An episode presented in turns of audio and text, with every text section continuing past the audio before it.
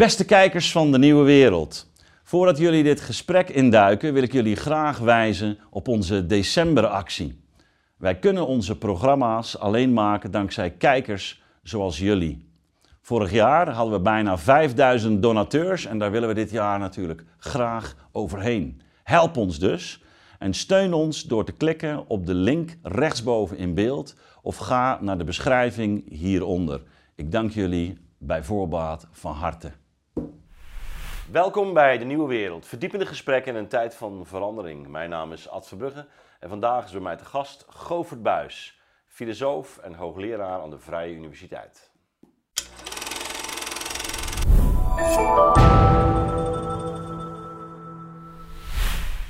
Govert, welkom. Goeiedag Ad. Ja.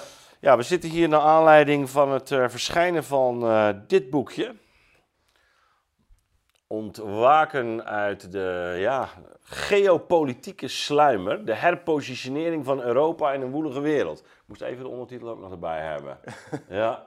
Net uitgekomen. Ja. ja.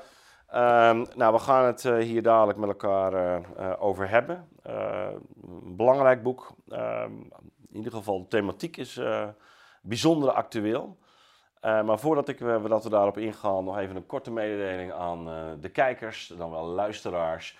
De decemberactie is weer gaande. Er hebben al meer dan duizend mensen aan ons gedoneerd. Hartelijk dank daarvoor, want we zijn van jullie giften afhankelijk voor het maken van programma's zoals deze. Um, voor wie het nog niet gedaan heeft, er is gelukkig nog even tijd. vorig jaar hebben we 3.500 donateurs gehad. Zou heel mooi zijn als we daar natuurlijk dit jaar nog overheen komen. Maar we hebben nog wel even te gaan. Dus um, zorg dat je, uh, wanneer je ook maar iets kunt veroorloven en onze programma's op uh, prijs stelt, dat je ons steunt. Goed, Govert. Um, ontwaken uit de geopolitieke sluimer. Ja, ik uh, kan me herinneren, want ik ben nog bij het eerste overleg geweest rond dit boek. Ik heb uiteindelijk, omdat ik zelf zo druk was met andere, mijn eigen boek, heb ik besloten niet mee te doen. Uh, maar er is ook nogal wat gebeurd, want precies in die periode uh, ja, hadden we ook uh, wat, wat in het boek wordt genoemd 24 februari 2022. Ja, ja, ja, ja. Nee, onze eerste bijeenkomst, het plan lag eigenlijk van vorig jaar najaar. De ja. eerste bijeenkomst hadden we in januari inderdaad met de schrijversgroep. En toen kwam daarna de maand februari. En ja, ineens niet al dat het totaal onverwacht dat de situatie totaal veranderd was, maar de enorme stroomversnelling waarin alles gekomen was. En die, die ons alle ook verbaasde eigenlijk als, uh, ja. als auteurs. Dus toen hebben we ook eerst even tegen elkaar gezegd van jongens, even een aantal maanden, uh, we moeten nou eerst kijken wat er gebeurt en opnieuw denken eigenlijk, opnieuw analyseren voordat wij weer... Uh, want dit, is, dit was toch echt, echt een, een hele grote schok. Dus in die zin heeft het boek, nou, wij zijn we pas tegen de zomer weer opnieuw uh, verder gegaan. En toen waren de patronen toch al wel, werden wel duidelijk. Uh, en natuurlijk, er zijn nog voortdurend ontwikkelingen. En ook vandaag, as we speak, heeft Poetin aangekondigd ja, een belangrijke grote redenvoering. grote redenvoering te gaan houden. Uh, dus geen idee welke zet dat weer gaat worden op het, uh, op het schaakbord. Uh, maar tegelijkertijd zijn de grotere patronen, ook geopolitiek, die worden toch wel, zijn toch in de achterliggende maanden wel uh, duidelijker geworden. Ja. Um, nou, wij gaan dadelijk nog uh, uitvoeriger in op die relatie Europa-Rusland, mm -hmm. Oekraïne. Mm -hmm. um, maar het boek gaat over meer dan dat, mm -hmm. veel meer dan dat. Sterker nog, het, het, het, dit is een, een onderdeel maar het is zeker niet uh, het centrale thema. Mm -hmm. um, maar het wordt wel mede gestempeld uh, door, door, door die gebeurtenis. Um, maar, maar toch, uh, misschien even voor de, de kijker. Wat, wat is het thema? Ontwaken uit de geopolitieke sluimer. Wat, wat, wat willen jullie daarmee zeggen? Nee, heel, heel kort gezegd kun je zeggen dat uh, als we even vanaf de 19e eeuw, uh, misschien nog eerder denken over Europa, dan was dat mm. de geopolitiek de toonaangevende macht. Machten, eigenlijk een cluster ja. van machten. Hè. Uh, dat is in de 20e eeuw ingrijpend veranderd. toen is natuurlijk het initiatief naar de Verenigde Staten gegaan. Eerst in samenspraak met, of samenspraak, dat is een heel vriendelijk woord, hè, maar ja. in spanning met de Sovjet-Unie. Ehm, En na 89, de val van de muur, dan lijkt eigenlijk alsof uh, nou ja, het Westen, in dit geval dan Amerika en Europa onder de paraplu daarvan, gewonnen heeft. Ja, de Pax Americana. De Pax Americana. En dat is ook wel het moment waarop je zegt, nou ja, uh, allerlei mensen, allerlei beeldspraak worden gebruikt. Wij zeggen hier geopolitieke sluimer, anderen zeggen geopolitieke vakantie. Ja. Uh, waarin Europa denkt van jongens, de wereld komt eigenlijk onze kant op. Uh, dat denkt Amerika ook, maar Europa nog veel sterker. Uh, en als wij nu gaan globaliseren, verder uh, economisch gaan globaliseren, wandel door handel, hè, om ja. het even Duitser te zeggen, ehm, dan zal de wereld één toch vreedzaam geheel worden. Ehm, en hoeven wij eigenlijk ook ja, niet, niet na te denken over onze geopolitieke belangen, over onze militaire kracht, over onze grondstoffen over enzovoort. Want we, vormen, we gaan één wereld vormen. Ja. En uh, nou, dat is die geopolitieke sluimer eigenlijk, waarin je zegt, uh, waarin de, nou ja, iets wat eigenlijk door de eeuwen heen, en je kunt nou eigenlijk zelf houden van om soms heel erg ver terug te gaan, uh, maar dan zie je al allerlei imperia zich manifesteren in de geschiedenis.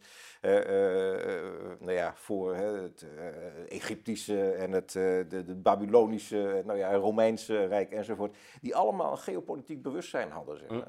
En het idee was eigenlijk van, nou, dat hebben we nu wel gehad. Uh, de wereldpolitiek gaat echt anders worden. We vormen nu één, ja, global village, zeg maar. Hè? Dat, ja. uh, dat, dat, dat idee. Nou, en wat uh, de Oekraïne-oorlog, er waren al andere signalen. maar de Oekraïne-oorlog zeker heeft ineens heel scherp duidelijk gemaakt dat gewoon die oude geopolitiek gewoon nog steeds volop geldend is eigenlijk. En dat je dus daarop uh, beleid moet hebben, dat je daar visie moet hebben, daarop, daarop moet, uh, jezelf in moet uh, positioneren. Ja. Dus dat is het ontwaken uit de geopolitieke ja. sluimer eigenlijk. ja, ja, Die, die, ik denk die titel die, die houdt natuurlijk ook direct verband met het uitbreken van die oorlog. Ja. Dat, zou bijna zeggen ruw ontwaken. Ruw ontwaken met onze, Gabriel van met, ja, met onze collega Gabriel van der Brink in het achterhoofd. Um, en want toen, toen um, ik, ik kan me dus die eerste bijeenkomst nog herinneren, daar ging het ook eigenlijk wel eigenlijk over de vraag en naar uh, wat is dat Europa? Mm -hmm. uh, um, tot de, de, de, Europese identiteit, ook wel de noodzaak van een soort nieuw geopolitiek uh, bewustzijn. Mm -hmm. Maar je kan zeggen dat dat thema is eigenlijk nu veel scherper ook aan het licht getreden hè, door, door, door precies die inval van, van Rusland in die, in die periode. Ja, het is nu echt uh, met een urgentie naar binnen gekomen die eigenlijk uh, nou ja, voor Europa zelf eigenlijk geheel onverwacht was. Uh, ik denk ook voor Poetin overigens onverwacht was. Ehm, ik denk de timing, daar hebben we het al eerder over gehad, eh, van, de, van de inval was toch Waarschijnlijk mede ingegeven door uh, de inschatting dat Amerika, nou ja, na de terugtrekking uit Afghanistan en dergelijke, uh, toch verzwakt is. En waarschijnlijk niet meer een, rol zou willen spelen. Dat, Amerika, dat, dat Europa zeer verdeeld was. Uh, en ehm, eigenlijk zie je nu dat Europa ineens in een enorme schrikreactie um, ja, zichzelf inderdaad op een nieuw, nou, een soort van convergerende beweging binnen Europa heeft plaatsgevonden. Waar zelfs Polen, Hongarije, de, waar spanningen, die zijn er nog steeds, maar die blijven toch wel aan boord. Uh, Italië, uh, dat lijkt dan toch een, uh, met de laatste verkiezingen ja. een wat anti-Europees sentiment te zijn. Maar zodra puntje bepaaltje komt, blijft men toch binnen, binnenboord. En dat is toch wel een hele verrassende on ontwikkeling eigenlijk. ja. ja. Daar komen we dadelijk nog over te spreken. Misschien uh, toch eerst even wat omtrekkende beweging. Ja. Uh, er zijn verschillende auteurs in het boek. Uh, jij zelf natuurlijk, je hebt meerdere bijdragen mm -hmm. ook mm -hmm. geschreven. Maar ook Luc van Middelaar, Haroun Scheik, Paul Scheffer, om maar wat namen te noemen, René Couperus. Ja. Um, je hebt het samen met Paul Bosman heb je het, geredigeerd. Um, ja, laten we toch eerst, eerst maar eens dat, dat idee van... Um, wat, wat eigenlijk bij Luc van Middelaar en uh, Monica C. ook voorbij komt. Dat idee van territorium. Mm -hmm. uh, misschien toch, toch aardig. Ook, ook oh, in verband met, je zegt imperia. Mm -hmm. uh, denken vanuit een territorium. Wat, wat, kun je daar eens wat, wat op bespiegelen? Wat, wat, dat zijn we ook niet meer zo gewend. Nee, um zelf maak ik een iets andere indeling in mijn, in mijn uh, bijdrage, waarin ik uh, iets meer inzet op, uh, in plaats van territorium, ook op, op, op dingen als grondstoffen. dus ja. daar is dat wel ja. zeer mee ver, verbonden. Ehm, maar je, ja, elk volk, groep van volken, leeft op een bepaald territorium, heeft daar bepaalde grondstoffen tot de beschikking. Kan daar leven, moet dat ook verdedigen. Ehm, en op een bepaalde manier, wij dachten in een gewoon bijna soort van virtuele globale wereld te zijn, waarin dat eigenlijk niet meer telde. Uh, en nu blijkt het toch heel belangrijk te zijn, de, ja, de samenhang ook in geografische zin tussen een gebied van, ja, waarin men uh, zich militair veilig of bedreigd voelt. Uh, we hebben het eerder al eens gehad in een gesprek naar aanleiding van die inval van uh, Rusland in, uh, in Oekraïne. Ook over hoe Rusland zich eigenlijk ook. Zeg maar, als je kijkt ja. vanuit Rusland naar Europa, dan zie je als het ware de dreiging door die laagvlakte zie je ja. komen. Hè? dat soort dingen blijken toch heel erg be, be, be, belangrijk te zijn. Geografische grenzen ook. Uh, rivieren. Kijk, ik vermoed, hè, dat, dat, was een van de scenario's uh, die we eerder op tafel hadden, dat Rusland wel zou kunnen inzetten op een deling van Oekraïne langs de, de Dnieper. De Dnieper, hè, dus een, een, rivier die echt ook gewoon een geografische grens is. Dat soort dingen blijken toch te, nog steeds niet uitgesloten. Dat, dat, nee, nee, absoluut niet. Ik denk nee. dat, dat, dat nog steeds eigenlijk het scenario is. Uh, dat, ja, als ik het enigszins moet. Als je moet, kijkt naar de mobilisatie, dan, dan, de, dan lijkt de mobilisatie. En ook de terugtrekking uit Gerson, uh, ja. dan wat aan de overkant van de rivier lag. Uh, van nou, wij gaan weer achter die rivier uh, zitten en dat wordt een, een nieuw element. Maar ook even een, een, heel ander voorbeeld, ja. China en Taiwan. bijvoorbeeld ook daar een geografische eenheid die men eigenlijk hoe dan ook wil, wil herstellen. en er zitten ook allerlei economische zaken en ideologische zaken en, enzovoort bij, bij verbonden. En, om een laatste voorbeeld te noemen, is ook de coalitievorming van de Verenigde Staten in de laatste uh, nou ja, paar jaar eigenlijk. Neem het AUKUS uh, gebeuren, zeg maar, dat men met Groot-Brittannië, Verenigde Staten en Australië ja. probeert tot een soort van containment, ook geografisch te zien, van, van, uh, van China te komen bijvoorbeeld. dus het blijkt dat die geopolitieke elementen, die ruimte, blijkt heel erg belangrijk te zijn, ook bijvoorbeeld voor aanvoerlijnen. Dus uh, ja, waar, gaat, waar, waar, lopen de goederenstromen waar, uh, en die, die ook verdedigd moeten, moeten, moeten worden. Ja. Dus, dus, ja. Het, dus, het is, uh, dus dat zijn allemaal dingen die eigenlijk bij die, al die oude imperia en dergelijke een hele belangrijke rol speelden. En die nog steeds eigenlijk heel centraal staan. Ja. ja.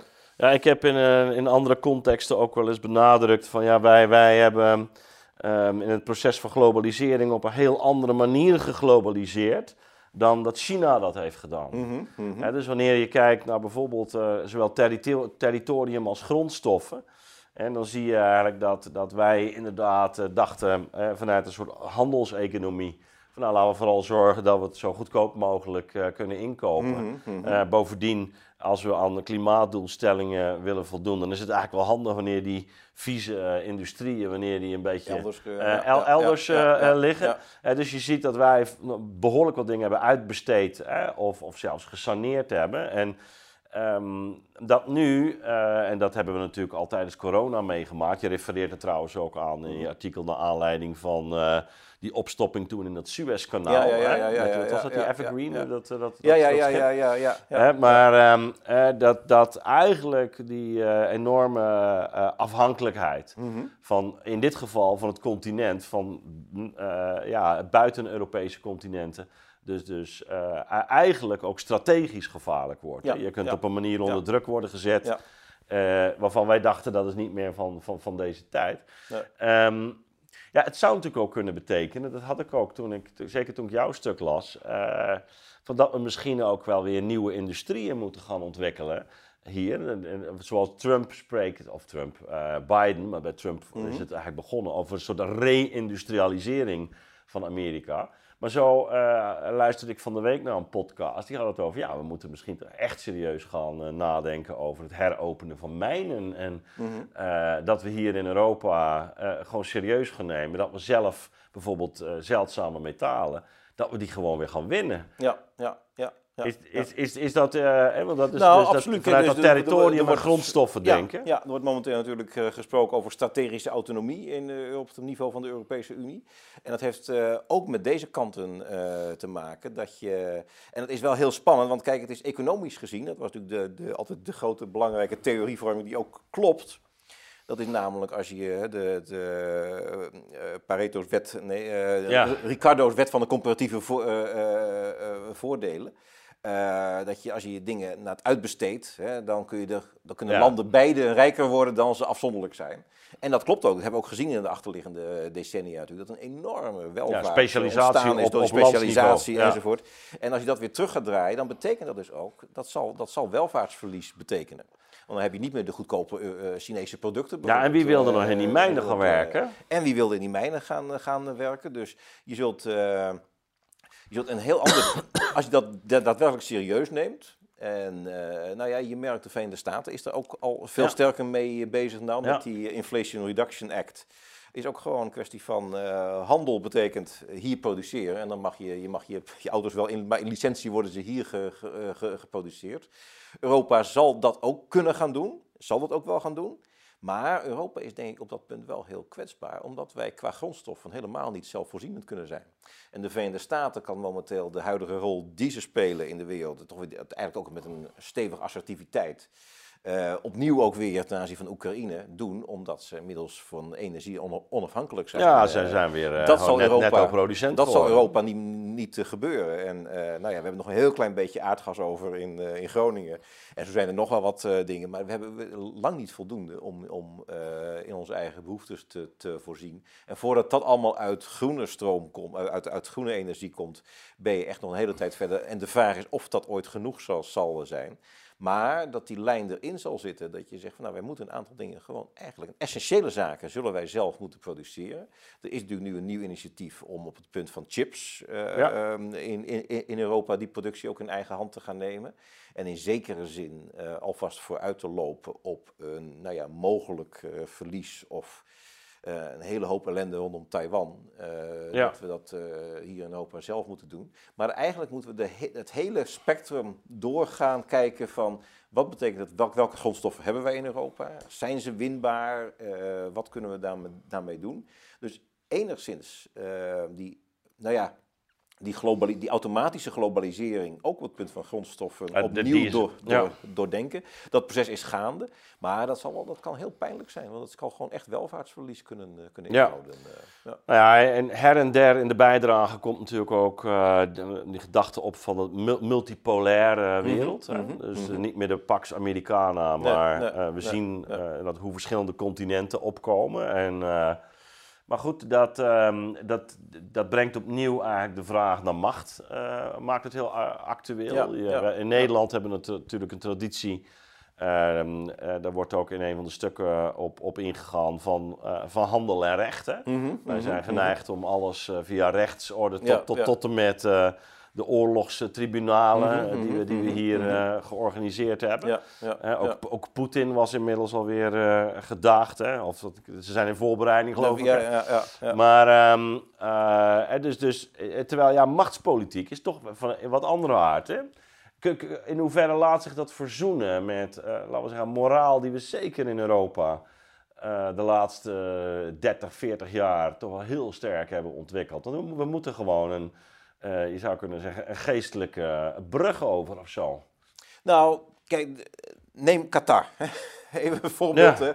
Wij natuurlijk, uh, dat is natuurlijk vreselijk, hoe de arbeidsomstandigheden enzovoort. Uh, we zijn wel geweest als voetbal, we zijn wel, aan, wel, aan het, aan, ja. we zijn wel deelgenomen aan het WK maar tegelijkertijd wilden we dan toch daar ook een morele boodschap achterlaten. Uh, En we zullen toch moeten kijken van ja, hoe verhoudt u dat nou eigenlijk? Die, eh, die behoefte om een morele boodschap te geven of zelfs ook gevolgen te hebben, sancties enzovoort. tot de, gewoon de keiharde vereisten die wij nodig hebben om ja, hier ook uh, het leven draaglijk te houden. Nou, en dan zal het bijvoorbeeld vanuit Qatar zal dan LNG moeten komen. Ik wou net zeggen, hè? En, dit, uh, Qatar moet ons uit de brand helpen. Die nu, moet ons uit de brand helpen. Hè? en, en dit soort trade-offs, daar zul je, zul je heel eerlijk op tafel moeten, moeten leggen. En ja, dat is een beetje de politiek realistische school, zoals het dan heet in de internationale betrekkingen.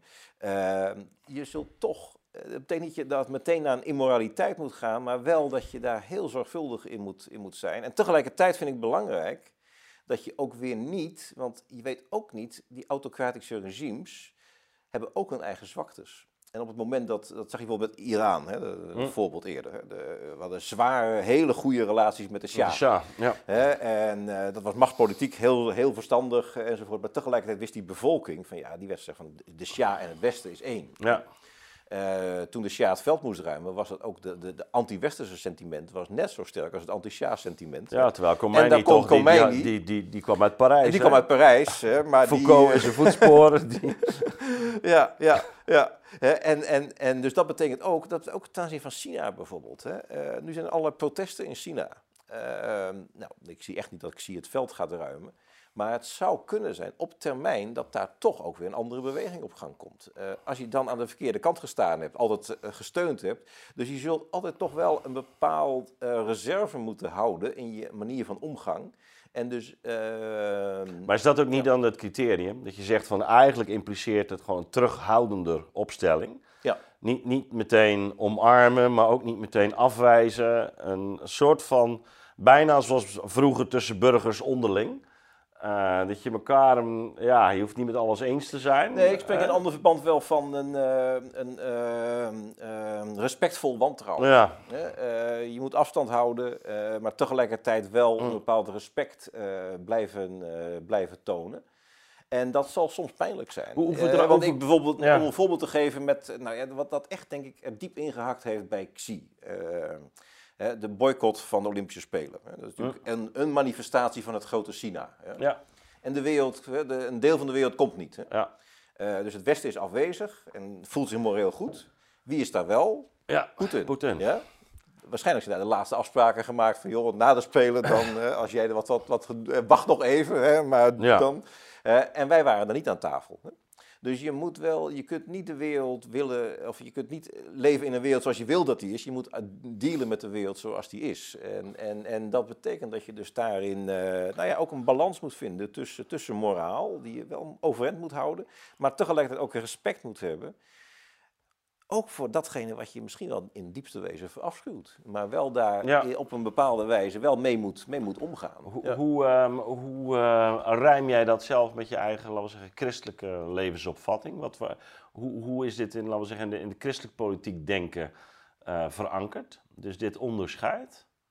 Ja, dat is. Uh, kijk, de, de, dit is een beetje zoals ik nu spreek. Een, een soort van gematigde vorm van wat je noemt in de internationale betrekkingen de realistische school. Ja, ja nee, zeker. En die realistische school die gaat eigenlijk heel sterk terug op het denken van Augustinus. Uh, en Augustinus, die natuurlijk het onderscheid maakt tussen twee, ja, twee, twee rijken. Hè, de stad van, uh, van de, de aardse stad, de stad van de mens en de, en de stad van God, de, de, ja. de Civitas Dei. Uh, Waarbij hij zegt, in de stad van de mens, ja, daar zullen wij moeten leven met voorlopigheid, met gebrokenheid, met datgene Ja, wat, dus eigenlijk acceptatie van het de kwaad moeten we in zekere zin accepteren. En je mag al heel blij zijn als je het kwaad een beetje kunt beteugelen. En zo kijkt hij ook naar de grote rijken. Hè. Hij zegt van, nou, Babel, dat was echt intrinsiek kwaad voor hem. Dat was echt, uh... Maar het Romeinse Rijk, daar was hij wat positiever over. Hij zegt van, dat is toch... Kijk, alle staten, zegt hij, zijn, als je het religieus bekijkt, zijn het roversbendes. Mm. Hè. Dat is eigenlijk gewoon immoreel. Hè. Maar in zekere zin, daar is nog wel verschil in. En het Romeinse Rijk die was toch door bepaalde, er waren matigende krachten in, waardoor toch ook, uh, ja, ook zijn, zijn uh, burgerschap uitreikte aan allerlei mensen die, uh, die, die geen oorspronkelijke burgers waren, een toch van vrede vestigden. En je, dus je moet als het ware wel, ja, rekenschap geven dat je leeft in een wereld die nou, zondig is, zou, zou Augustinus zeggen, waar die gebrokenheid zich manifesteert. En niet te veel te snel in een ideale wereld gaan, gaan, gaan handelen, want die is er niet. Dus je moet doen met waar je, met waar je het mee hebt en tegelijkertijd wel die spanning blijven voelen. Dus je moet niet... Dus het machtsspel moet in zekere zin altijd ook een, nou ja, met een bepaalde reserve gespeeld blijven worden. En zeggen van het goede leven is eigenlijk een ander leven. En eigenlijk het mooiste is als je op een bepaalde manier tot een bevruchting kunt komen van het een naar het ander. Maar dat zijn maar hele zeldzame tijden, zegt uh, Augustinus. Ja, nou, zitten we met Augustinus ja. natuurlijk in het imperium. Dat is ook een notie die in jouw eigen tekst, uh, de open je ook, ook mee. Mm -hmm. Um, je hebt je in de, in de tijd ook, uh, tijdens je proefschrift ook uh, druk bezig gehouden met, met, met Veugeling. Ja, ja, ja. Um, dat, dat waarom, is dat, waarom kan ons dat imperiale denken nog iets leren? Zoals we dat uh, zeggen, goh, um, je, je, maakt echt het onderscheid tussen de, de, de nazistaat, de mm -hmm. Westfaalse mm -hmm. orde. Mm -hmm. En, en dat, waarom is dat imperiale denken? Wat, wat, wat... Nou, zoals ik het, de, de Westfaalse orde zie, is eigenlijk, kijk, wat, wat een imperium uh, doet, is eigenlijk dat het een aantal dingen doet. Uh, ten eerste dat het zich heel erg bewust is van een, een rol in, in de wereld. Uh, dus anders dan de nazistaat, die kan gemakkelijk op zichzelf gericht zijn. Dus een aantal van de Europese nazistaten waren in feite imperia. Ja. Die hebben een soort van mondiale uh, positionering, uh, ja, positioneringsmacht Verenigd Koninkrijk bij uitstek. Verenigd Koninkrijk bij uitstek. Ja, Spanje was dat natuurlijk. Het Spaanse imperium. Frankrijk heeft het ook, ook getracht. Nou, Nederland een klein beetje enzovoort. Maar eigenlijk wel, die ambities waren eigenlijk allemaal om uh, om toch ordenend in de wereld op te treden. En, daar een, uh, en, en, dat is wel, wel belangrijk, dat je zegt, nou, de, de, de, uh, daarvoor heb je ook nodig een, een, verhaal eigenlijk. En dat die imperia, die investeert ook heel veel in, het, dat gaat al wel heel ver terug, in de ontwikkeling van een verhaal. Dat was dan over het algemeen, hè, dan zie je de hele vermenging van religie en politiek. Uh, dat de keizer was een, nou ja, in, ja. in, in China het hemelsmandaat. mandaat. Of ja. uh, in, in, in Egypte was die mm. echt goddelijk.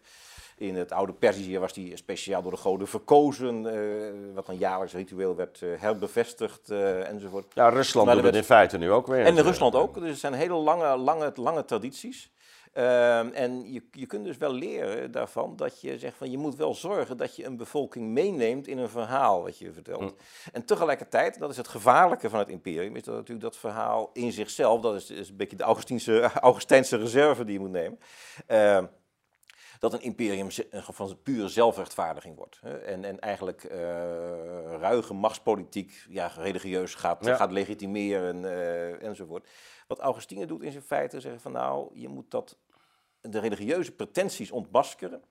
Uh, en tegelijkertijd ja, moet je wel reëel heeft een, heeft een geopolitiek, heeft een imperium, heeft wel een bepaalde ja, dynamiek die je moet erkennen. En uh, nou, ik denk dat dat voor Europa ook van, van belang is. Ik denk dat we opnieuw, zal Europa enigszins à la een imperium moeten gaan optreden in de wereld. Dus moeten zeggen, wij staan in een grote wereld waarin wij ofwel wij worden uh, bepaald door anderen, of wij hebben zelf ook een mede bepalende rol. Uh, daarvoor moet je ook een verhaal ontwikkelen. Wat de inhoud van dat, die bepaalde rol zou, zou, ja. zou moeten nou, zijn. Nou, ik denk, dat we dat ja, nou, proberen te schetsen in het boek. Een van de, dat is ook die notie van civilizational state, hè, die mm -hmm, de laatste mm -hmm. tijd veel uh, hoort. Uh, ook, ook China zelf, Xi, die ziet zichzelf ook. Ja, dus, dus, modernisering is niet hetzelfde als verwestersing. Mm -hmm. Dat is ook een belangrijk thema. Dus we, we, we moderniseren. We nemen techniek, economie, delen van wetenschap nemen we over en iets van, van moderne instituties, maar we gaan die niet allemaal inrichten, bijvoorbeeld in, in, in termen van uh, persoonlijke vrijheid. Mm -hmm. Want dat is, mhm. dat is westers, mm -hmm. dat, is, dat is de westerse ja, ja, ja, uh, route. wij wij doen het anders. Um, en, en ze zien het ook als een beschavingsoffensief. -hmm. uh, je, je ziet iets vergelijkbaars in, in, in India, denk ik. Ik denk dat mhm. Met zijn Russisch-orthodoxe kerk ook zo'n soort uh, ja, ja. boodschap heeft. hè? Dat is mhm. natuurlijk ook zeker in de jaren negentig, maar met name nieuwe, nieuwe millennium zie je dat, dat die band tussen kerk en staat natuurlijk veel sterker is geworden.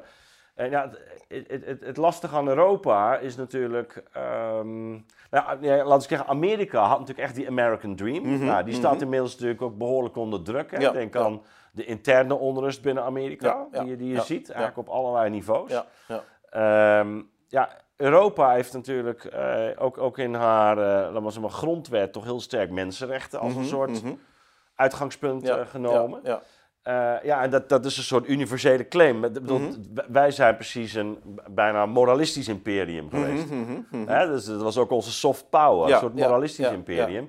En tegelijkertijd zie je binnen Europa ook weer een nationale sentiment op, mhm, opkomen. Mm um, nou ja, eh, zoals Monica C, die, die, die, uh, die, die sprak in een lezing ook. Ja, zelfs Nederland zou eigenlijk aan haar eigen verhaal moeten denken. Dus dat zit mhm. op verschillende. Ja, ja, maar, maar, maar eh, dus, als je het nou hebt over het belang van een, van een verhaal. Hè, dus, mhm. dus, en, en Europa juist van oudsher die grote verscheidenheid kent. Nou, dat zou een onderdeel kunnen worden van het verhaal. Hè? Maar, maar waar zouden we aan moeten denken? Ja, ja, ja. ja. Want eh, alleen maar mensenrechten, daar, daar, kom je er niet meer mee, denk ik.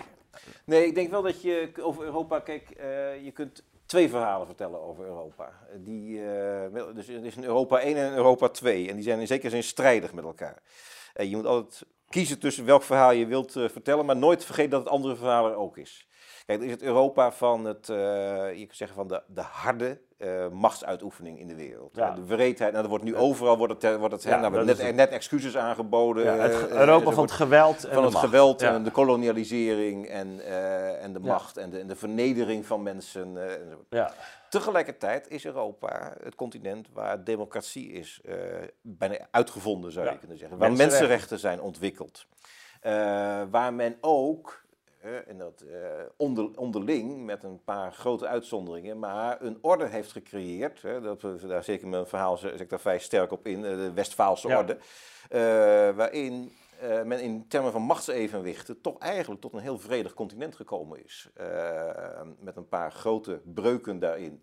Eh, rondom Napoleon en de, en, en de Eerste en Tweede Wereldoorlog. Maar steeds het idee van nou, uh, absolute macht moet steeds ingeperkt worden. Dus als een land zich te veel gaat manifesteren, dan gaan de anderen zich daartegen verzetten. En zo komt er steeds een soort van machtsevenwicht tot, tot, tot stand. Waardoor je dus ook moet accepteren, eigenlijk die oefening van je bent anders en tegelijkertijd, je hebt je positie en tegelijkertijd gaan wij niet jou, jou uh, overheersen enzovoort. Wij moeten accepteren dat wij anders zijn. Maar daar hebben we op een bepaalde manier ook heel veel moeite mee. Want neem nou, het, uh, ik noem maar Hongarije mhm. of Polen binnen de Europese Unie. Ja. Je kan zeggen, juist binnen de Europese Unie hebben we ook juist heel sterk van nee, we hebben allemaal uh, diezelfde moraal. We, hebben, we moeten naar een, uh, een inclusieve samenleving. Nou, Dat is exact het punt, denk ik, waar je heel goed moet nadenken van op welke punten wil je die eenheid zetten en op welke punten zeg je van daar moeten we ook met die verscheidenheid omgaan. Dat geldt ook binnen, binnen landen. Ja. Uh, dat geldt ook tussen landen. Van, moet je nou bijvoorbeeld die culturele agenda, laten we het zo maar even noemen,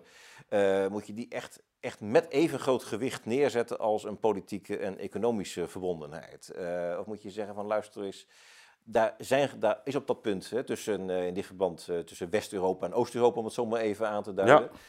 Daar zit een verschil in opvattingen over, nou ja, over man-vrouw verhoudingen, over gender enzovoort.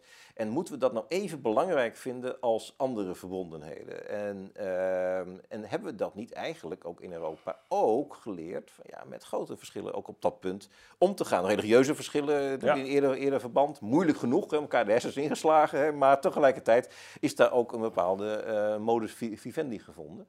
Uh, en wat moet je nou het zwaarste wegen? Nou, ik denk dat dat een heel belangrijke afweging wordt in, zeg maar, in het verder vormen van, ja, toch van een Europese imperiale positie, om het zo maar even te zeggen. Dat je, denk ik, voorzichtig moet zijn met uh, ja, uh, dat landen elkaar het vel over de oren trekken, zeg maar, op, op deze punten. Terwijl je moet zeggen van, nou, eigenlijk hebben we een, een ander belang. Eigenlijk is dat een beetje wat je ook wereldwijd gaat, gaat zien. Uh, we zullen op de bepaalde punten, ten aanzien van ook voor, he, voor hele belangrijke waarden voor ons, toch moeten zeggen van luister eens, ja, in het geheel van het, het lange termijn continuïteit en, en uh, ja, veiligheid en welvaart, zullen wij soms onze morele agenda een beetje moeten temperen. Uh, dat geldt ook binnen, binnen, binnen Europa wellicht. En Tegelijkertijd moet je ook, de spanningen zijn, het zijn niet echt, je kunt niet zeggen van nou, dat zijn nou 1, 2, 3, uh, daar ligt nou een, een, een recept. Dat zijn spanningen die je wel moet blijven benoemen.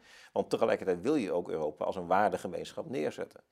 Uh, dus ik denk dat als je die notie van mensenrechten, van rechtsstaat, dat is natuurlijk een hele oude Europese notie. Ja, recht, rechtsstaat uh, lijkt me heel fundamenteel. En uh, dat je zegt van nou, er zijn punten waarvan we echt zeggen van een, ehm, de, de, dat is echt typisch Europees.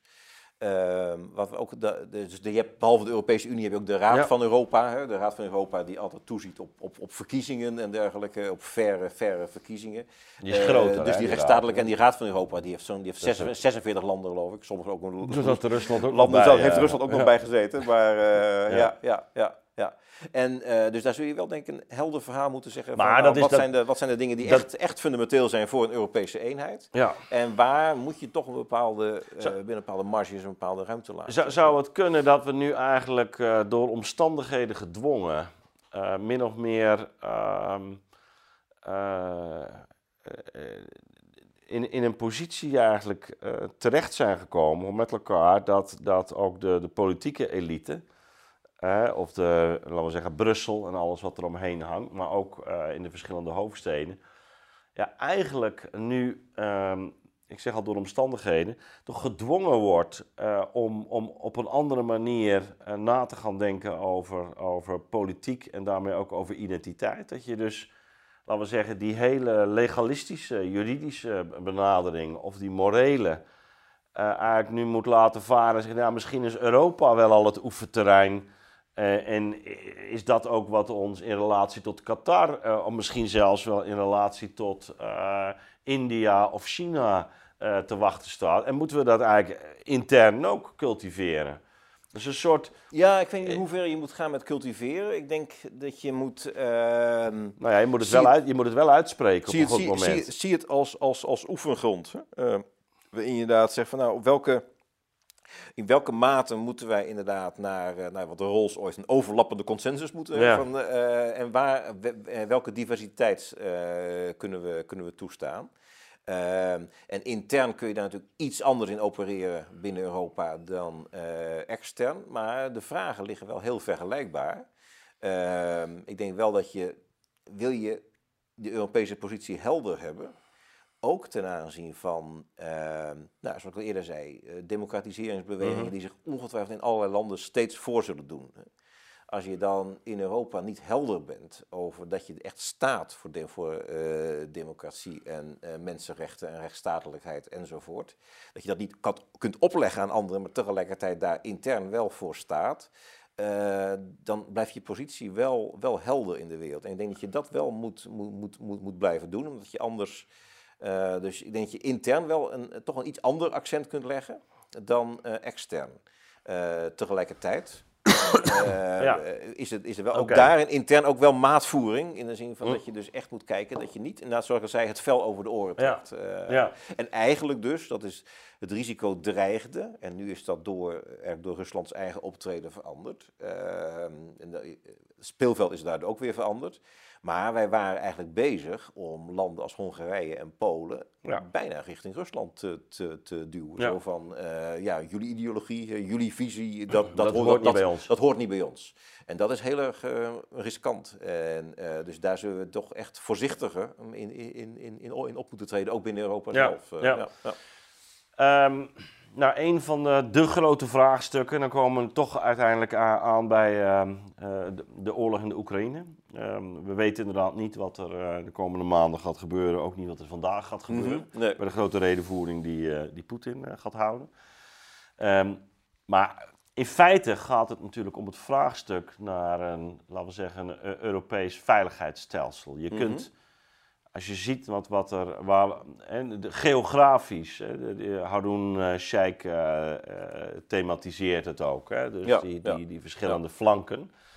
Um, ja, ik miste ook daar nog wel een expliciete vraag van ja, wat doen we met het oosten?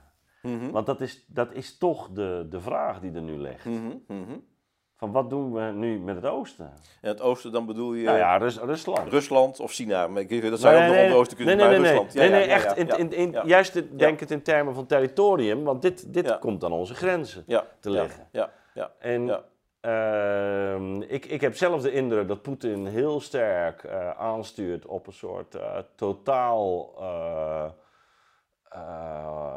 oplossing, waarin... Um, ja, waarin die vraag naar wat, wat wordt de, de plaats van Rusland, uh, ook in relatie tot uh, niet alleen de Oekraïne, maar ook Europa. Wat mm -hmm. wordt dat überhaupt? Mm -hmm. hoe, hoe gaan wij verder ja. met elkaar ja. Na, na dit conflict? Ja. Uh, na deze oorlog? Mm -hmm. Ja, voorlopig zijn wij toch partij. We, we indirect weliswaar, maar goed, we trainen Oekraïnse militairen, we, we, steunen ze met materieel. Nou ja, eh, men, men zit in een, eh, in een padstelling. Hoe lang dat zo blijft, uh, valt te bezien. Uh, maar we moeten natuurlijk toe naar een leefbaar, uh, een leefbaar Europa. Ja, ja, ja. ja. Je gaf ja. zelf al aan, ja, qua grondstoffen zitten wij er niet zo goed voor. Mm -hmm. um, ja, blijven we tot in lengte van dagen gewoon maar LNG-gas importeren en de zeldzame metalen uit China. Ondertussen zien we dat China uh, samen met India, nou ja, toch, toch niet van zin is om echt afstand te nemen tot, uh, ja. tot de, Dus ja, die vraag naar de toekomst van Europa, uh, jullie zeggen er niet heel veel over. Nee, het is ook een van de, de, van de meest complexe vragen natuurlijk, omdat je midden in een situatie zit waarvan je niet weet hoe die zich gaat ontwikkelen. Hoewel ehm, ja, het scenario wat zich nu lijkt af te tekenen, ook hè, de manier waarop nu eh, steeds uh, de elektriciteitscentrales uh, gebombardeerd worden, zou wel dat van een permanente gijzeling van Oekraïne kunnen zijn. de bezetting van het oostelijk deel en het westelijk deel. Waarvan, nou ja, je kunt eindeloos weer een, een, een, energiecentrale opbouwen en één bom is die weer, kun je opnieuw beginnen. Zeg maar. En dat kan, dat kan jaren volgehouden worden. Ja, een gesprek dus, met Paul Scheffer. Dit kan dus een heel lang denk, conflict worden. Ik denk dat het een heel lang conflict gaat worden. Maar Wat ook niet, waar de term, kijk, we hebben natuurlijk diverse termen of conflicten in de wereld, die noemen we frozen conflicts. Zoals Israël en Palestina en Noord-Korea en Zuid-Korea. Maar dit zal een heel actief frozen conflict. Dus het woord frozen conflict zal hier niet op. Want als je het, het, scenario ziet zoals je dat nu uh, onderholt, dat kan, dat, dat kan Rusland met simpele middelen heel lang volhouden. Je kunt zeggen, ja, je moet wel wat Patriots moet je gaan omzeilen en zo. Maar uh, gewoon voortdurend infrastructuur, voortdurend zorgen dat zodra het land weer ietsje opbouwt, dan ga je weer eventjes wat dingen uh, vernietigen. En dat kan heel lang uh, duren. Ehm, en ja, de, de, dus de, het einde is nog niet in zicht. Nee. En dat betekent ook dat het denken over de orde daarna heel ingewikkeld is, omdat je daar toch ook de eventuele uitkomst van het conflict of de, de, de status quo die zich op een gegeven moment gaat ontwikkelen, toch heel, heel belangrijk in uh, zal, zal zijn. Uh, of je ooit weer de kans krijgt, uh, die de, eigenlijk na 89 lag in de jaren ja. 90, om wat we zouden kunnen noemen toen een, een Europees veiligheidshuis in te richten, uh, waar ook Rusland ook veiligheidsgaranties had gekregen. Dat was ook Gorbachev's uh, wens, hè? Dat was de wens. Europese huis. Ja, ja, ja, ja, ja, ja, ja, ja. En of die kans ooit terugkomt, de geschiedenis, die uh, geeft ook hm. geen cadeautjes, niet, nee. niet tweemaal. Um, maar je zult toch moeten nadenken, inderdaad, op termijn van, uh, ja, hoe gaan wij samen samenleven? Maar de, de context ervan, of dat op enige wijze zal kunnen met uh, Poetin. Uh, en, uh, want het is nou ook wel veel duidelijker nog geworden, denk ik, dan in, dan in februari was. dat Poetins denkwereld echt, ja, ook echt ernstig geradicaliseerd is. En mm. Dus zijn droom van het grote, grote het herstel van het grote Russische Rijk toch wel echt een hele serieuze droom is. Um, en dat dat ook, hè, dan zal het ook moeten zijn dat het ook weer veiligheidsbuffers zal moeten hebben. in zijn ideale wereld wordt Europa uitgeschakeld eigenlijk toch. Uh, en uh, zal Europa blijvend verzwakt moeten zijn. En dat zal een voorwaarde zijn voor zijn, voor zijn veiligheid. Nou, dat is voor Europa is dat geen acceptabele uh, weg om te gaan. dus er zit in die zin ook op lange termijn zit daar een soort van blijvende padstelling. Die, uh, die, waarvoor ik, ik zie nog, nog niet hoe dat, hoe, dat, dat opgelost kan, kan worden. Behalve dat het ook dat frozen conflict, zeg maar, zich in zekere zin uh, permanent door heel Europa heen zal, zal, uh, zal manifesteren. En misschien, dat kan soms zijn, een generatie, dan moet je echt lange termijn denken dat men zegt van we moeten toegaan, nou zoals het in feite ook ooit met de Sovjet-Unie geweest is, uh, dat er toch meer lijnen van ontspanning kwamen en uh, langzamerhand toch uh, nieuwe, nieuwe verhoudingen zich gingen ontwikkelen, al voordat het ijzeren gordijn viel. Hè. Maar ik ben niet optimistisch. Ik zie dat dit, dit zou wel eens een hele lang, uh, lange, mm. lange, lange tijd kunnen zijn. Waarbij een echte, dus het, het, belang van Rusland bij een verzwakt Europa uh, lang blijft. Dus Europa zal zich langs andere lijnen. Dus ik zie niet dat er nog snel weer gas komt stromen door, uh, welke, door welke pijp dan ook. Zeg nee, die is ook opgeblazen. die is ook opgeblazen. nou ja, door, door, door, door, Oekraïne is de pijp nog steeds intact. Ja, die, die, maar ja. daar, daar kan nog steeds weer gas doorheen stromen. Maar uh, dus dat we echt wel blijvend uh, de Europese nou ja, veiligheidsbasis, uh, zowel militair als economisch, grondstoffen enzovoort, buiten Rusland zal moeten zijn. Dat zal denk ik echt wel voor lange tijd het, het, het, geval zijn. En dat betekent ook dat de spanningen in Europa, nou ja, inflatie, welvaartsdaling enzovoort, met een eigen bevolking. Uh, die zich afvragen van waarvoor moet dit eigenlijk allemaal? Uh, dat die wel heel groot zullen, uh, zullen blijven. Dus ja, dat, dat is ook wel wat ik van sommige commentatoren heb gehoord. Hè? Dat Poetin gewoon eigenlijk gaat voor een lang conflict ook. Um, maar dat ook in die zin zich daar op dit moment niet echt druk om maakt. En dat hij eigenlijk mikt op dat Europa met name volgende winter instabiel gaat worden. Dat er andere verkiezingsuitslagen komen. En dat je dus laten we zeggen, andere regeringsleiders krijgt. Ja. Ehm, eh, die, die wel bereid zijn om met hem om de tafel te gaan. Hè? Nee, dus zal de voortdurend, die, die spanning zal eh, lange tijd in Europa nu, oh, nu eh, zich gaan voordoen. Ehm, dus een van de belangrijkste verkiezingsthema's zal op termijn gaan worden Rusland. Rusland. Gaan we wel of niet met Poetin eh, enigszins op een akkoordje gooien? En dus eh, blijven we zo massief Oekraïne steunen? Of zullen we zeggen van nou, eh, Poetin vooruit, jij de helft van Oekraïne en gedemilitariseerd enzovoort. En dan moet Oek- Oekraïne dat maar slikken. En dan vervolgens kunnen wij naar een soort van normalisering toe. Dat ene scenario versus een scenario, wat de Verenigde Staten natuurlijk ook sterk zal aanjagen, maar wat ook denk ik moet echt, de, dat zal echt consequenties hebben. Nee, wij blijven Oekraïne onvoorwaardelijk steunen. Eh, en daarmee zal dat conflict eh, lang duren. Ja. Eh, en maar het zal veel kosten, maar tegelijkertijd, en dat, en dat moet wel heel goed zal het gecommuniceerd moeten worden met de eigen bevolking, dat op de achtergrond natuurlijk toch wel degelijk die hele grotere verhoudingen liggen. Eh, waarin Europa zijn rol, als we niet heel erg uitkijken, Mhm. eh, sowieso uitgespeeld is. Dus, eh, Nou ja, kijk, dat dus- is, ja. dat is natuurlijk ook één, één vraag die denk ik toch de laatste tijd wel steeds sterker zich aandient.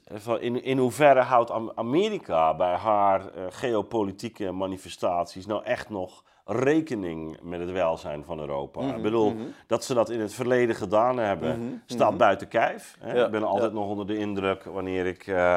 in Normandië kom naar de begraafplaats. Ja, Ja, net, dat ja, hebben ze. Hè? ja, bedoel, staat buiten kijf. Maar je, je, je kunt je toch wel afvragen, en dat heb ik zeker ook weer met dit, eh, met dit eh, Oekraïne-conflict, of Amerika niet zozeer America first, niet alleen onder Trump, maar misschien ook onder Biden, eh, dat ze zeggen, ja, die, weet je, het is, komt, komt eigenlijk wel goed uit, want dat gas kunnen ze bij ons leveren. Ik bedoel, als je Condoleezza Rice al in 2014 hoort zeggen van, ja, dat, die, die, die, energie, dit moet, moet Europa eigenlijk bij ons eh, eh, halen. Ja, ja. En, en helemaal niet bij Rusland. Ja. Eh, dat is no, notabene 2014. Ehm, nou ja, de, de, de, opmerkingen over de, de, pijplijn van Biden, die heeft iedereen inmiddels gezien. Dan wil ik niet zeggen dat, dat de Amerikanen dat gedaan hebben. Maar ehm, toch de, de- de- dat Amerika in, in dit conflict veel minder te verliezen heeft dan Europa, dat is denk ik wel zonneklaar. Hè? Eh, Ja, enerzijds wel. Enerzijds wel. Aan de andere kant, als Europa weg zou vallen als, zeg maar, als een krachtige bondgenoot van Amerika in de wereld, komt Amerika ook wel erg geïsoleerd te staan. Dus er zitten ook wel grote risico's in. Want Australië is ook niet het land waar we zeggen, van, nou, dat gaat de wereld redden. Nee. En, en, en met Nee. Canada enzovoort. Dus, ze moeten ook wel een beetje dus- voorzichtig zijn, dus, zeg je. eh, dus volgens mij is een van de achtergronden van de Marshallhulp na de Tweede Wereldoorlog was ook gewoon van jongens, wij moeten wel zorgen dat wij niet de, het enige Ja. democratie, eh, democratische land en, en, enzovoort zijn in de wereld. Eh, dus Europa moet ook weer op eigen benen staan. Dus ik denk niet dat dat ehm, uit geopolitiek oog- oogpunt dat je automatisch kunt zeggen van nou Amerika is dat. Hè, die, die, die, die, die retoriek heb je natuurlijk al onder, onder, Ja. eh, nou ja, onder Bush al gehoord van. eh, eh, die minister van Defensie Ramsveld over Ja. de, de, de Old Europe en zo. En Ja. dat schrijven we af. Kijk, en, en, en, en onder Trump natuurlijk. Ehm, maar het, Nou ja, zeker, wat- zeker wat- nu, zeker kijk, nu heb je gelijk, denk ik. ik denk dus nu dat het... Met dus- China dus- en Ja, Rusland, dus, dus- dus ik denk dat geopolitiek gezien Ja. Amerika toch ook Europa, een krachtig Europa nodig heeft. Eh, maar wat, er- wat wel in Amerika heel sterk kan ontstaan, kan dat dat besef gewoon verdampt, zeg maar, dus onder het electoraat. Hm. En dat je dus een Trump-figuur krijgt die inderdaad met een retoriek, want het, het, is, het hele makkelijke wordt in de huidige geopolitieke situatie, wordt natuurlijk om overal eh, zeggen van, Ja. nou ja, je, je kiest maar je vijand en je bedreiging. Ja. En dan kun je intern dan heel goed op, eh op Ja. cashen, zeg maar, dus electoraal. Eh, dus als je je afzet tegen Europa en, eh, en, en we zijn niet meer de politieman van de wereld en eh, America first enzovoort, is natuurlijk een sterk verhaal wat, zich, onder, kiezers, wat het onder kiezers goed kan doen. Ehm, en dan kan het betekenen dus dat je eigenlijk zonder dat het nou, hè, als je een beetje objectief kijkt wat er de geopolitieke belangen van, van ook van Amerika zijn, maar dat men ook de eigen, eigen belangen in die zin gaat los, loslaten. Ehm, en dus dus ik, ik denk niet dat het, dat, dat het direct het geval zal zijn dat, dat Amerika belang heeft. Of eh, ja, van, nou dat het belang van Europa eh, voor Amerika klein is. Ik denk wel dat Europa een rekening moet houden inderdaad met, het, met, het, met een America First scenario mm. enzovoort. En daarom ook echt die eigen kracht moet, veel sterker moet, moet ontwikkelen. En tegelijkertijd ook ehm, Amerika enigszins moet intomen in die ontwikkeling naar een volstrekt bipolaire orde, uh, waarin het Amerika tegenover China is, zeg maar. En uh, nou ja, ik heb geprobeerd in het verhaal een argumentatie te ontwikkelen dat uh, bipolaire orders eigenlijk op de, altijd, altijd heel riskant zijn. en dat je beter een multipolaire orde kunt hebben. Dus dat Europa weliswaar zal Amerika altijd een soort van geprivilegeerde bondgenoot blijven maar toch ook een eigen positie innemen. Bijvoorbeeld ook omdat nog hele andere dingen spelen dan alleen maar het geopolitieke. Dat is namelijk bijvoorbeeld uh, de hele vergroening van de economie bijvoorbeeld. nou doet Biden op dat punt ook weer veel meer dan uh, Bush. Maar er staat echt, uh, te, dan, dan, dan, dan Trump, dan, ja. dan, dan, dan Trump. en, dan, en dan Bush trouwens. Bush ook, en, dan, en, dan, en, dan, en dan Trump. Maar uh, er zal dus echt op het punt zal uh, Europa ook moeten kijken van daar, daar zullen misschien wel goede deals met China te sluiten zijn op dat punt. Uh, dus je moet ook enigszins wel je eigen ruimte houden ook als, als Europa. Dus ik denk in die zin wel belangrijk is dat Europa, nou ja, dus militair, geopolitiek, toch ook een eigen positie inneemt. Weliswaar in een soort van geprivilegeerd bondgenootschap met, met de Verenigde Staten, maar het pure schuilen onder de Amerikaanse paraplu is om allerlei redenen te, te, te riskant. Ja. ja. Nee, maar ik denk ook wel dat dat zo langzamerhand tot bewustzijn is doorgedrongen. Dat we op deze manier niet verder kunnen. Nee, nee, nee. En, en wat, wat, ja, wat mijzelf toch wel treft is, uh, nou, zoals ik zo even aangaf, toch, toch ook wel dat Amerika wel heel sterk ook zijn eigen koers bepaalt. En, en neem die terugtrekking uit Afghanistan, ook in relatie tot bondgenoten, dat je wel kunt afvragen, ja, als je zelf dus zo afhankelijk wordt Ehm, dan, dan ben je ook geen serieuze gesprekspartner. Nee, nee, nee, nee, nee, En, ehm, nee, en ik denk in die zin dat, dat, dat, Europa dat, dat begint te, te beseffen. Dus dat is inderdaad, uh, wil je echt... Amerika gaat gewoon zijn eigen gang. Dat Amerika, ja. wil je, wil je juist als je niet wil dat Amerika zijn eigen gang gaat, zul je juist Europa moeten, moeten ver, versterken. En... Uh, nou ja, er werd vaak gezegd dat Kissinger, die zei dan wel eens met uh, smalend van, uh, ja, als ik uh, Europa, Europa, wie moet ik dan bellen in Europa? Ja, ja, dat, is, dat ja. is niemand. Hè? En, en nou, de huidige commissie, die, die vult ergens wel dat gat. dus, de, dus er valt van alles over, over, over te zeggen, maar Ursula von der Leyen, die speelt wel een bepaalde rol. Ehm, die denk ik toch heel ehm, ja, interessant is en, en belangrijk is. Uh, ook voor die, voor, voor, die, voor die verdere positionering van uh, Europa. Ja, nou, dat, is, dat lijkt me een nieuw thema. Ik, ik ben er, zeker wat de Oekraïne betreft, zit ik op een ander standpunt. Ja. Ik denk dat Europa daar echt juist ook te veel mee is gegaan mm met, met Amerika. Maar goed, dat is een, dat is een, andere, ja, dat is een andere discussie. Um, ja, uh, Govert, heb, je, heb jij zelf nog een, uh, een fijne kerstboodschap uh, nu wij ontwaakt zijn uit de geopolitieke sluimen? nou, ehm, bereid je voor op een aantal koude kerst. Dat is misschien dus niet een, hele, een hele, positieve boodschap. Ehm, aan de andere kant is denk ik ook, ehm, ja uh, het is ook wel fascinerend wat je in 2022 gezien hebt. Als, het gaat, als je het even zo door die lens van autocratie versus democratie ziet. Hè? Uh, dat we een jaar geleden dachten van de autocratieën, dat die zijn efficiënter. Die zijn bezig uh, hun positie zo te manifesteren. Dat democratieën liggen eigenlijk achter. Die kunnen niet, ja. op, niet op besluitvorming komen enzovoort. Ja, eh, de, theorie was altijd dat inderdaad uh, autocraten kunnen op korte termijn snelle beslissingen mm. nemen. En democratieën op lange, uh, die kunnen op lange termijn eigenlijk meer uh, mobiliseren, ja. mobilisatiekracht. In zekere zin is die theorie bevestigd in het afgelopen jaar, denk ik. je ziet hoe Oekraïne eigenlijk hè, tegenover een autocratisch regime echt een, een, een enorme mobilisatie, ook, ook moreel gezien, in, in staat is mm. geweest om te brengen. Dus het, dat is interessant. Je ziet ook hoe, uh, nou ja, hoe China ineens is gaan wankelen eigenlijk. Uh, ja, in, ook, ook, door de, de dus, pandemie. Uh, door de, en heel, heel, de pandemie. Een beetje de, de, de koppigheid ook van De koppigheid van Xi. En waarbij Xi dus inderdaad zich nou als een volstrekt nu ja. alleenheerser is gaan manifesteren. Maar daarmee ook de hele. Ja, hij volgt precies het theoretische spoor zoals dat gegaan is bij autocratieën. Ja, je krijgt dan niet meer de juiste informatie. Je krijgt uh, alleen maar mensen die het nog met je, met je eens zijn. Je krijgt geen tegenspraak meer. Dus de kwaliteit kwaliteit van je beslissingen die gaat enorm omlaag. Ehm, wat overigens een hele gevaarlijke situatie is. Ik denk de neergang van China Ja. nu is eigenlijk juist geopolitiek gezien heel riskant. Want dan gaat het altijd gaat het verlangen Ja. optreden naar buitenlandse avonturen. Om Absoluut, toch te laten ja. zien dat je echt, toch wel echt heel krachtige leider bent. Ehm, maar je ziet dus eigenlijk, nou ja, eh, ook eh, Bolsonaro. eh, Trump heeft eigenlijk zijn. De comeback van Trump is eigenlijk mislukt eigenlijk in dit jaar. Dus er is ook veel interessante dingen gebeurd die ook, denk ik, als het gaat om nou ja, die verhouding autocratie-democratie, de zaak toch even wat anders op het schaakbord zetten dan het een jaar geleden was eigenlijk. Want ook, ook natuurlijk Poetin zelf. de blunders eh, ten aanzien, ook zijn informatiepositie. Hij blijkt eigenlijk niet geweten te hebben hoe de situatie van zijn leger was. Dacht dat het gemoderniseerd was. En ze reden nog met, met, met oud, oud roest rond. eh, en, en, eh, dus ook daarin zie je dat een autocratie er ook een hele, ja, een reus op leme voeten is, om zo te zeggen. En hele grote risico's heeft.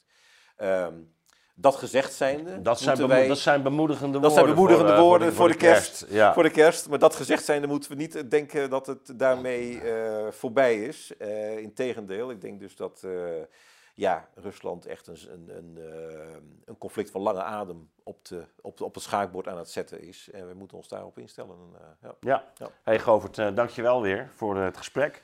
Ehm naar aanleiding van eh, het ontwaken uit de geopolitieke sluimer, waarin ehm, eigenlijk eh, ja, de, de Eu- Europa's geopolitieke rol opnieuw eh, wordt besproken en wat dat zou kunnen eh, inhouden. Ja, en ehm, dan sluit ik ook toch af met, weer met de oproep. En wij zijn, zitten in onze eindejaarsactie en ehm, heb je het volgehouden tot dit moment? Steun ons, want we zijn op jullie giften aangewezen om programma's zoals deze te maken. Dus kijk boven in het scherm of beneden onder en ehm, doneer.